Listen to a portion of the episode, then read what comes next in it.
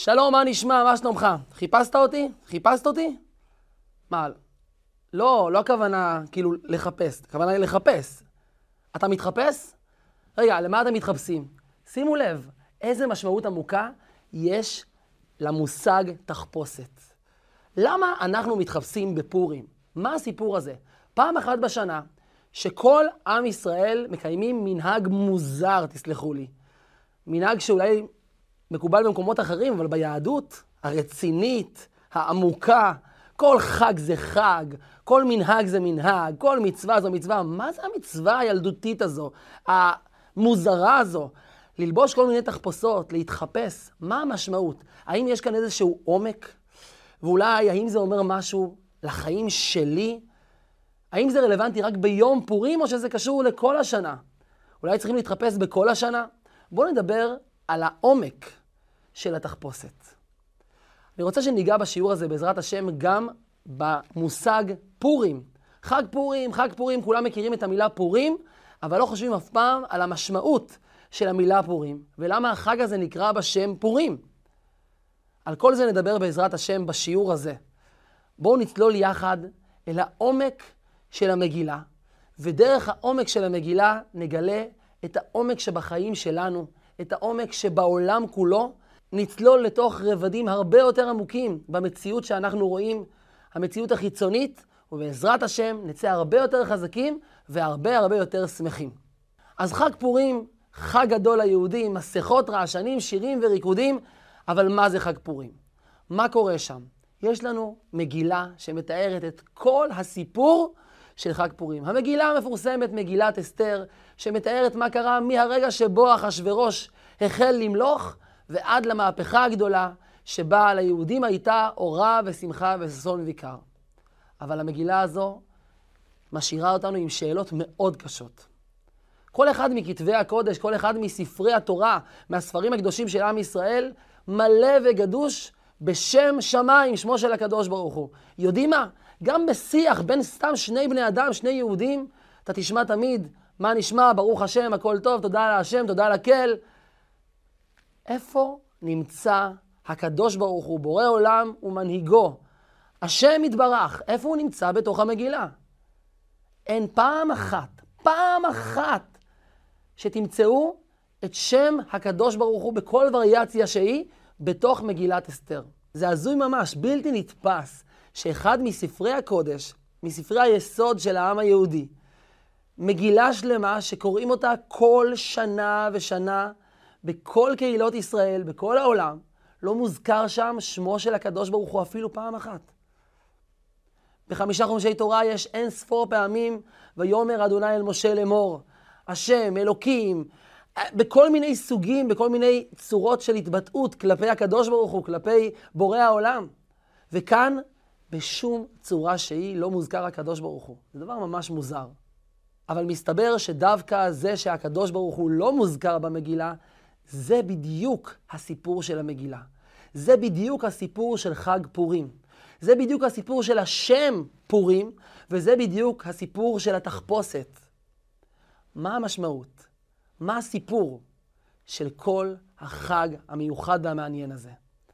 אחד מהמנהגים המפורסמים ביותר של פורים, אחד ממצוות היום, זה פשוט לשתות עד דלא ידע בין ארור המן לברוך מרדכי. להגיע לרמה כזו של שתייה, שהבן אדם פשוט מטושטש ולא יודע להבדיל בין הדבר הכי קדוש לדבר הכי הפוך ממנו. ארור המן, ברוך מרדכי, לטשטש הכל. איזו מין מצווה זו? יש מצווה לשתות יין, יש מצווה לעשות קידוש על היין בשבת, בחג, לשמוח עם יין. בכל מעמד מקודש, כמו למשל חופה וקידושין, נמצא כמובן את גביע היין, נעשה ברכה על היין, ברוך אתה בורא פרי הגפן. אבל מכאן ועד להשתכר, להשתולל, לשכוח מעצמי, להגיע לרמת טשטוש של עד דלא ידע, איזו מין מצווה זו? איזה רעיון יש כאן?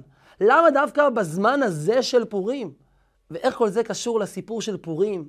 לזה שהקדוש ברוך הוא לא מוזכר במגילה? לזה שמתחפשים בפורים? לשם של פורים? מה הרעיון כאן? אז בואו ניקח את המגילה ונעבור על הסיפור שלה מתחילתה ועד סופה. ואז נגלה דבר עוד יותר מדהים.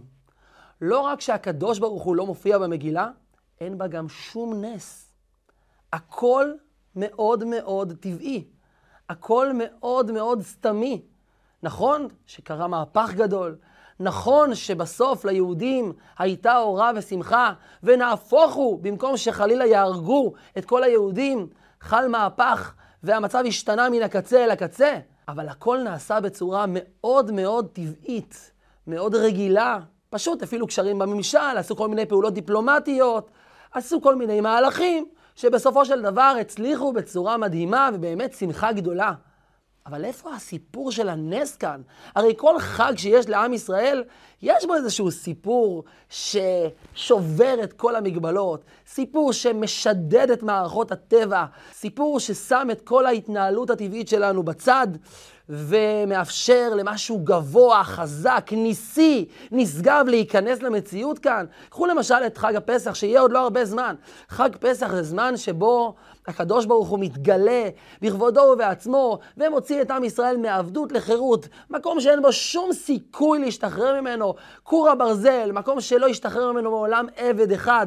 עם שלם יוצא אחרי עשר מכות פלאיות שמתועדות בתורה, ומתועדות להבדיל גם במקומות אחרים. מדהים, מול כזה נס אי אפשר לעמוד אדיש. אחר כך עם ישראל זוכה לגילוי של הקדוש ברוך הוא בקריאת ים סוף. גם זה דבר שהוא על-טבעי, פלאי, מטורף. שובר את כל מגבלות הטבע, מעמד הר סיני. אנחנו חווים כל הזמן, לאורך כל השנה, סיפורי ניסים. קחו גם את הסיפור של חנוכה. חנוכה זה סיפור של מעטים שניצחו רבים. צבא קטן, דלוח, עלוב, בלי שום כלי נשק, הצליח להילחם מול מעצמה צבאית, ענקית, אדירה, עולמית. זה הסיפור, זה סיפור, זה נס. פורים, בסדר, זה מרגש מאוד, זה, זה, זה, זה מיוחד, אבל אין פה שום נס. על פניו, תקראו את המגילה, פשוט קחו אותה, תתחילו מתחילתה ועד סופה ותראו רצף מקרים שפשוט יצר סיפור מאוד מאוד מיוחד. אבל לא רק שהקדוש ברוך הוא לא מוזכר במגילה, גם נס אין במגילה, הכל כל כך טבעי. אז מה החגיגה הגדולה? מה השמחה היהודית הגדולה? ולא סתם שמחה, שמחה של להשתכר ולשתות ולשמוח עד דלא ידע. להתחפש, לעשות דברים משוגעים. מה כל כך משוגע בסיפור הזה? מה כל כך מיוחד בסיפור הזה של מגילת אסתר? למעשה סיפור המגילה זה רצף של מקרים שמייצר סיפור שלם, מדהים, עוצמתי, אבל תכלס זה המון המון מקרים. בואו נעבור על הסיפור ממש ככה במהירות. המלך אחשורוש, בן אדם משוגע, שולט בכל העולם, 127 מדינות, הוא מחליט לעשות משתה מטורף, שבו הוא מוציא את כל הכלים, גם כלים אגב של בית המקדש שהיו ברשותו, יינות ומשקאות, ונותן לכל אחד מה שהוא רוצה, בגודל שהוא רוצה, מטורף. משתה שנמשך על פני חצי שנה, 180 יום. אגב, גם היהודים משתתפים במשתה והוא עושה להם גם כשרות למהדרין מן המהדרין. תוך כדי המשתה, כטוב לב המלך ביין, הוא קורא לשרים שלו ואומר, אני רוצה לראות כאן את אשתי ולהראות אותה לכולם. אבל לא סתם, להראות אותה בצורה לא צנועה. אשתו, המלכה ושתי, מסרבת לבוא להתבזות בצורה כל כך לא מתאימה, והמלך ממש כועס, ובעצת המשרתים שלו הוא פשוט הורג אותה. אחר כך הוא מתפכח מהיין ואומר, אוי, מה עשיתי? הוא אוכל את הלב. אין ברירה, צריכים למצוא מלכה חדשה. מחפשים מלכה, מכל העולם אלפי נערות מועמדות להיות המלכה של המלך אחשורוש, וביניהן יש גם את אסתר. אסתר ילדה, נערה צנועה, יהודייה, שגדלה אצל הדוד שלה, מרדכי היהודי, נלקחת גם היא אל בית המלך אחשורוש. ובאופן מפתיע, בין כל הנערות, המלך אחשורוש רוצה דווקא את אסתר המלכה, הוא מושיט לה את שרביט המלוכה, ובזה הוא בעצם מסמל, אותך אני רוצה, בך אני בוחר. מאותו רגע היא הופכת להיות שלא ברצונה המלכה של המלך אחשורוש. במקביל, המלך אחשורוש נדלק באופן מיוחד על אחד השרים, המן שמו. הוא מגדיל אותו ומנסה אותו מעל כל השרים, מעל כולם, והמן מתנפח והולך בכל מקום ודורש ומבקש שחייבים להשתחוות לו בכל מקום. אבל אדם אחד ויחיד לא משתחווה לו. מרדכי היהודי שנשאר איתן ולא מוכן להשתחוות להמן, לא מוכן להשתחוות גם לפסל שתלוי עליו. אני יהודי ולא משתחווה. במקביל, מרדכי היהודי יושב בשער המלך, באזור המלוכה, ושומע את בגתן ותרש. שני הסריסים, שני השומרים, מדברים על כך שהם רוצים להרעיל את המלך. הם מדברים בשפה שהם חושבים שמרדכי היהודי לא יודע, מה שהם לא יודעים, שהוא יודע היטב ושולט בכל השפות, וגם בשפה שבה הם מדברים. הוא מבין מה הם רוצים לעשות, הוא הולך ומלשין ומודיע לאסתר, יש כאן שני שרים שמתכננים להרעיל את המלך. אסתר מודיעה למלך, והדברים נכתבים בספר דברי הימים, מרדכי היהודי הציל את המלך אחשורוש, אבל הדבר נשכח. זוכרים את המן, איך שהוא משתגע שמרדכי לא משתחווה, הוא אומר לעצמו, אני רוצה להתנקם לא רק במרדכי, בכל העם שלו. אני אהרוג את כל היהודים, מנער ועד זקן, טף ונשים, ביום אחד, תוך יום כולם יהרגו בכל הממלכה של אחשורוש, בכל העולם. הוא הולך ומשכנע את אחשורוש, ואחשורוש אומר לו, מה שאתה רוצה, בידיך הדבר. המן הרשע מפיל פור, עושה גורל, פור זה גורל, וכך נופל חודש אדר. זה החודש שבו הוא הולך להרוג, חלילה, את כל היהודים עד אחד, עד האחרון שבהם. בעצת אשתו המרשעת, זרש, הוא מכין עץ גבוה, 50 אמה, 25 מטר גובה, שעליו הוא יתלה את מרדכי היהודי. כך כולם יראו איך שמנהיג העם היהודי תלוי לעין כל, והוא הולך שמח וטוב לב באמצע הלילה, משום מה, אל המלך אחשורוש כדי לספר לו על העץ שהוא הכין למרדכי. באותו לילה, באופן מפתיע, המלך אחשורוש לא נרדם. השעה מאוחרת כבר חצות הלילה, והמלך מתהפך מצד לצד, נדדה שנת המלך, הוא לא מצליח להירדם, וכך כדי שהוא יירדם, שירגיש יותר נוח, השרים שלו קוראים לו מספר הזיכרונות, דברי הימים, הספר שבו מופיע כל מה שקרה עם הממלכה של המלך אחשורוש. וכאן הם מגיעים לקטע שמדליק את המלך. בקתן ותרש רצו להרעיל את המלך, מרדכי היהודי הציל את חייו של המלך באמצעות כך שהוא גילה על מזימתם. המלך שואל, רגע, הוא קיבל על כך שכר? נתנו לו משהו? ובינתיים נשמע בחוץ רעש. מי בחצר? המן. המן הגיע לספר למלך על העץ שהכין למרדכי. המלך קורא להמן, יבוא. המן נכנס, שמח וטוב לב, ואז המלך פונה אליו ושואל אותו, המן יקירי, תגיד לי, אדם שהמלך חפץ בעיקרו, רוצה לייקר אותו באופן מיוחד, מה לדעתך צריך לעשות לאותו אדם? המן כמובן מיד חושב לעצמו, המלך מתכוון כמובן אליי. והוא מתחיל לפנטז מה בדיוק הוא רוצה שהמלך יעשה בו. והוא אומר, צריך להביא סוס מהסוסים המובחרים ביותר שעליהם רכב המלך. והסוס המובחר יהיה לבוש בכל מיני עיטורים שאותם הוא לובש רק כשהמלך רוכב עליו.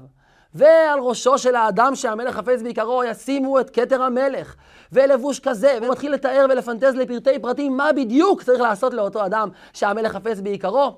ולא סתם כך, צריך לקחת אותו בכל העיר ולהכריז לכולם, ככה יעשה לאיש אשר המלך חפץ בעיקרו. המלך אומר לאמן, אתה עכשיו הולך בעצמך, ומלביש את מרדכי היהודי, שיושב בשער המלך, עם כל הלבושים שאתה אמרת. אתה דואג בעצמך לסוס שיקח את מרדכי, ואתה מרכיב אותו על הסוס וקורא בקול גדול, ככה יעשה לאיש אשר המלך חפץ בעיקרו. המן פשוט במפלת חייו.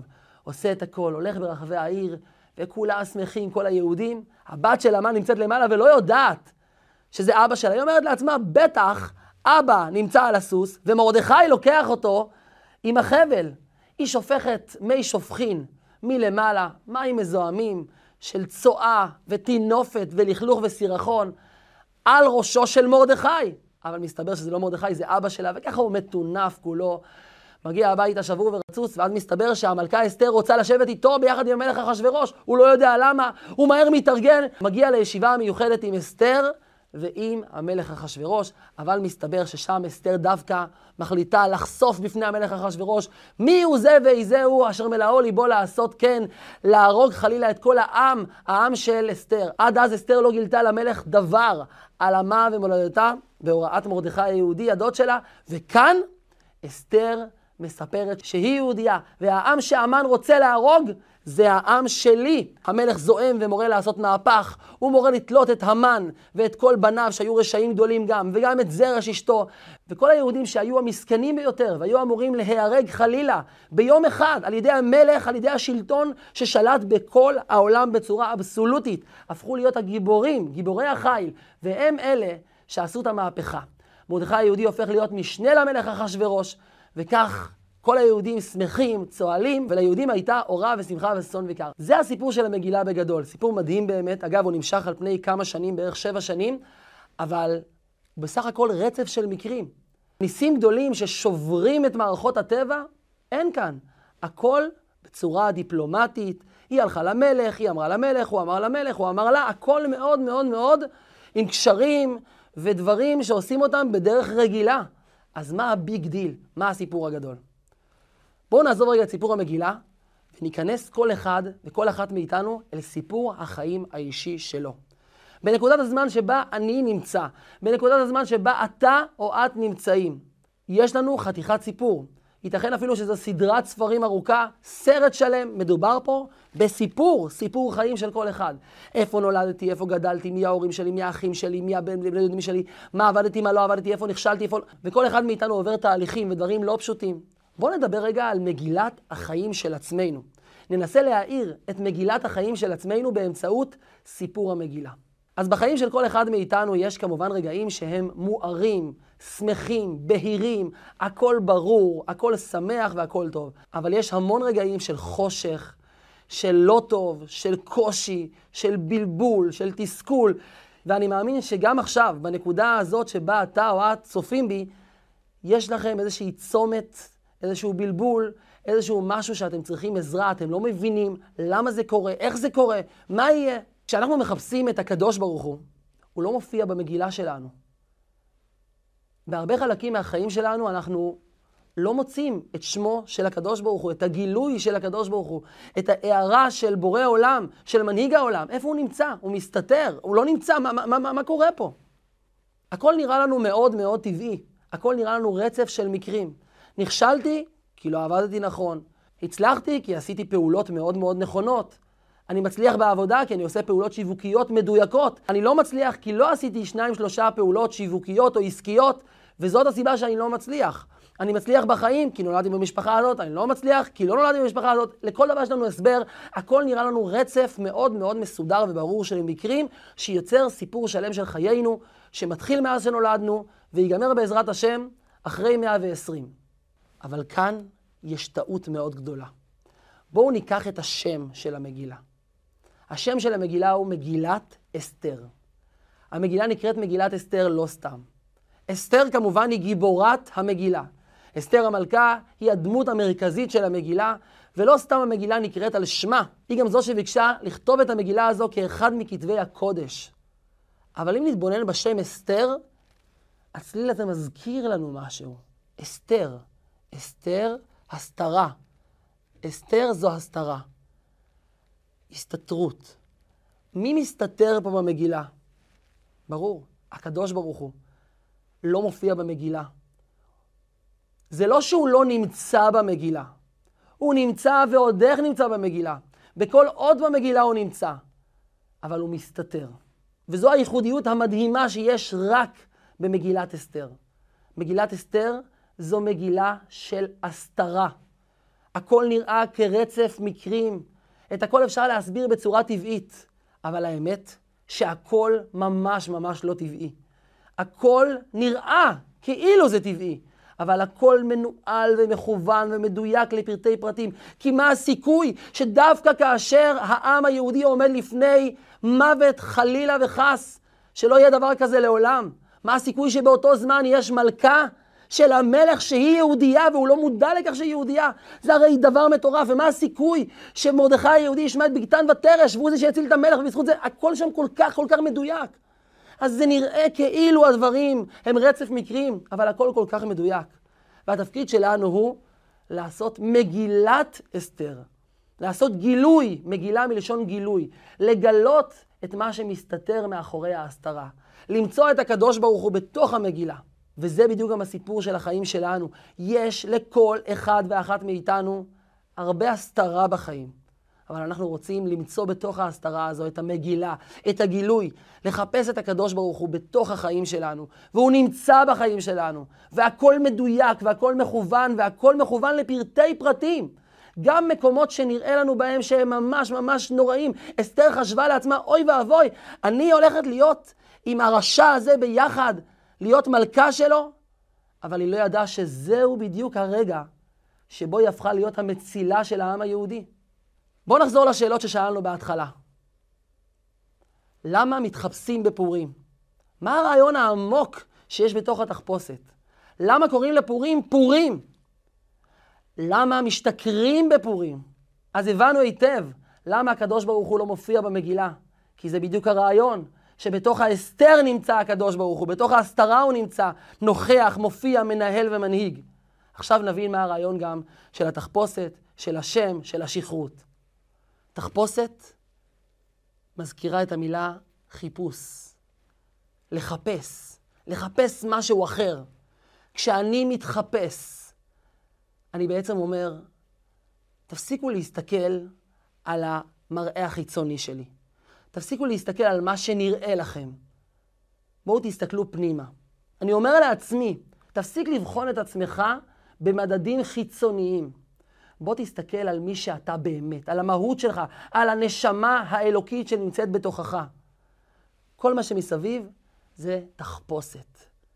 והתחפושת הזו קוראת לך, תחפש פנימה. גם העולם כולו הוא בעצם רצף של תחפושות. הקדוש ברוך הוא מתחפש בתוך כל מה שקורה כאן בעולם. כל החוויות שלנו הן בעצם התחפשויות של הבורא. הוא מתגלה אלינו דרך תחפושות, דרך דברים שמסתירים אותו. אבל אם רק נחפש בתוך התחפושת הזו, נמצא שהקדוש ברוך הוא נוכח שם, ומנהל ומנהיג כל פרט בחיים שלנו. זה היה בתקופה שהיו יהודים עוברים עינויים קשים. לקחו אז יהודי ושמו אותו בתוך אור של דוב. ממש לקחו דוב, הוציאו ממנו את כל הבשר, הגידים והעצמות, ועכשיו יש את המעטפת החיצונית, וככה עטפו את היהודי בתוך האור של הדוב. והיהודי נמצא עכשיו בסיטואציה הכי קשה בחיים שלו. הפריץ, האכזר, המושל האכזר שהחליט להתעלל ביהודי המסכן, לקח אותו והשליך אותו לתוך גוב האריות. הוא נראה עכשיו כמו דוב אמיתי. האריות לא יודעים לזהות שזה בעצם אדם בפנים. וכך יושב הפריץ, המושל, ומשתעשע במה שקורה לנגד עיניו. אריה אימתני נמצא בתוך הכלוב. לידו נמצא הדוב. והדוב רועד מפחד. בעצם נמצא שם בפנים יהודי, מסכן, שרואה מבעד לחורים של הפרווה את האריה האימתני מתקרב אליו ועומד לטרוף אותו. ברגע השיא, רגע לפני שהוא נהרג, הוא פונה לקדוש ברוך הוא בבכיות ואומר, שמע ישראל, אדוני אלוהינו! אדוני אחד. ואז הוא שומע את האריה אומר, ברוך שם כבוד מלכותו לעולם ועד. בעצם כולנו מחופשים, לא רק בפורים, כל השנה. זה בצורה של אריה, זה בצורה של דוב, זה בצורה של נמר, כל אחד עם הפוזה שלו ועם הסיפור שלו. אבל באמת בפנים, בתוך תוכנו, אנחנו יהודים. אנחנו עם נשמה אלוקית, קשורים לקדוש ברוך הוא, והמן הרשע ידע את זה. הוא אמר, אני רוצה להרוג את כל היהודים ביום אחד. אין הבדל בין יהודי ליהודי. אל תספרו לי סיפורים, זה דוב, זה נמר, זה יפה, זה לא יפה, שטויות, כולם יהודים, כולם אותו דבר. וכך שונאי ישראל לאורך כל הדורות. הם ידעו לזהות את הסוד הזה שיהודי הוא יהודי, הוא יהודי, הוא יהודי, לא יעזור שום דבר. והם עשו הכל כדי להכרית כל זרע של יהודי, אפילו זכר של יהודי. אבל באופן ניסי המזימה שלהם אף פעם לא מצליחה. והקדוש ברוך הוא מצילנו מידם. אבל המסר, המסר צריך לעבור אלינו. כשקרתה המהפכה ונהפוך הוא, נעשתה גם מהפכה בלבבות של עם ישראל. כולם פתאום הבינו, וואו, בעצם תמיד אני קשור לקדוש ברוך הוא, ולא משנה שום דבר חיצוני. אני עם נשמה אלוקית ויש לי קשר עמוק ביותר עם אבא שלי, עם הקדוש ברוך הוא. וזה גרם לכולם זעזוע פנימי, מהפכה פנימית ושמחה אדירה. מהסיבה הזו בדיוק יש מצווה מיוחדת בפורים לשתות עד דלא ידע. כי השתייה גורמת לאדם שכל ההגבלות החיצוניות שלו, כל המסכים וכל התחפושות נעלמים. והמטרה של השתייה, שנעשית כמובן מתוך סעודה של מצווה, מתוך אווירה של יהדות, המטרה היא לגרום לאדם להגיע אל העומק הכי פנימי שלו, להגיע אל הנשמה שלו, אל המקום שנקרא עד דלא ידע. זה המקום שנקרא בשפת החסידות העל-מודע, המקום שהוא מעל המודעות שלנו. יש את התודעה שלנו, יש את המודעות שלנו. כל אלה זה תחפושות בהרבה מקרים. אנחנו מחפשים להגיע למקום היותר גבוה, עד דלא ידע, לקשר הזה עם הקדוש ברוך הוא, שהוא לא תלוי בשום דבר. קשר עם הקדוש ברוך הוא, שהוא נצחי והוא עצמותי, והוא לא נפרד מאיתנו לעולם. ומתוך המקום הזה אנחנו רוצים לבנות את הקשר מחדש, שיהיה בריא, שיהיה אמיתי, שיהיה שמח. לכן קוראים לחג הפורים חג פורים. מה זה פורים? פורים זה מילה בארמית, מילה שהיא בשפה לא יהודית, לא בשפת הקודש. פורים זה הגרלות. נכון, המן הרשע עשה הגרלות, הטיל גורל כדי להרוג את העם היהודי, אבל לקרוא לפורים בשם פורים, היה עדיף לקרוא לזה ונהפוך הוא, אה, הנס הגדול, אה, אה, אסתר, מרדכי, לא יודע, שמות שמבטאים את ההצלה של עם ישראל, יום ההצלה. זה החג היחיד שבו אנחנו קוראים לחג בשם שהוא בשפה לא יהודית, ובכלל על סיטואציה שמבטאת דווקא את הרגע הכי שפל, הכי מפחיד, הרגע שבו חלילה העם היהודי עמד בפני גורל, מתי למות? מתי להיהרג ביום אחד?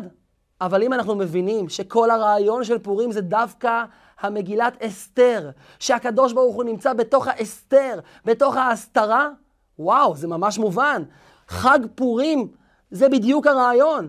גם במקום הנמוך ביותר, גם במקום השפל ביותר, ברגעים הכי קשים, עד כדי כך שמבטאים את זה אפילו בשפה שהיא לא שפת הקודש. זה מבטא משהו שהוא רחוק מהיהדות, מקום שהוא מנותק, מוסתר, קשה, גם מבחינה פיזית, גם מבחינה רוחנית.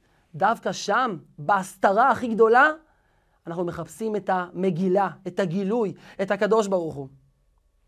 רבי ישראל הבעל שם טוב, מי שייסד את החסידות, הלך פעם ביער, והוא רואה ילדה, ילדה שהוא הכיר מבית הכנסת, הוא הכיר את ההורים שלה, והוא רואה אותה עומדת ובוכה ובוכה ובוכה, הוא שואל אותה, ילדה, מה קרה? למה את בוכה? אני יכול לעזור, אני אקח אותך להורים. היא אומרת, לא, לא, אתה לא תבין. בבקשה, תספרי לי, אני אנסה לעזור לך. זה היה נראה פשוט קורע לב. והילדה אומרת לו בדמעות, שיחקתי עם חברות שלי מחבואים, ואני כאן מצאתי לי מקום מסתור, מקום מחבוא, מאחורי העץ. אבל כבר שעה, שעתיים, שלוש שעות, שאף אחת לא באה לחפש אותי. היא בוכה, למה לא באים לחפש אותי? אבל שם טוב הקדוש, רבי ישראל, עזר לה. אבל אז הוא פנה לתלמידיו ואמר להם, בואו תראו איזה מסר למדנו עכשיו מהסיטואציה הזאת. הקדוש ברוך הוא גם מתחבא, הוא מסתתר, הוא מתחפש בכל העולם, בכל מקום, בחיים שלנו, במקומות שאנחנו נמצאים, בתוך תוכנו. והוא מחכה שנחפש אותו, והוא בוכה, הוא בוכה ומבקש, אל תשכחו אותי. אני מחכה שתחפשו אותי, אני מתחנן אליכם, תחפשו אותי, תבקשו אותי, אני רוצה להתגלות. זו המשימה שלנו, לגלות את ההסתרה.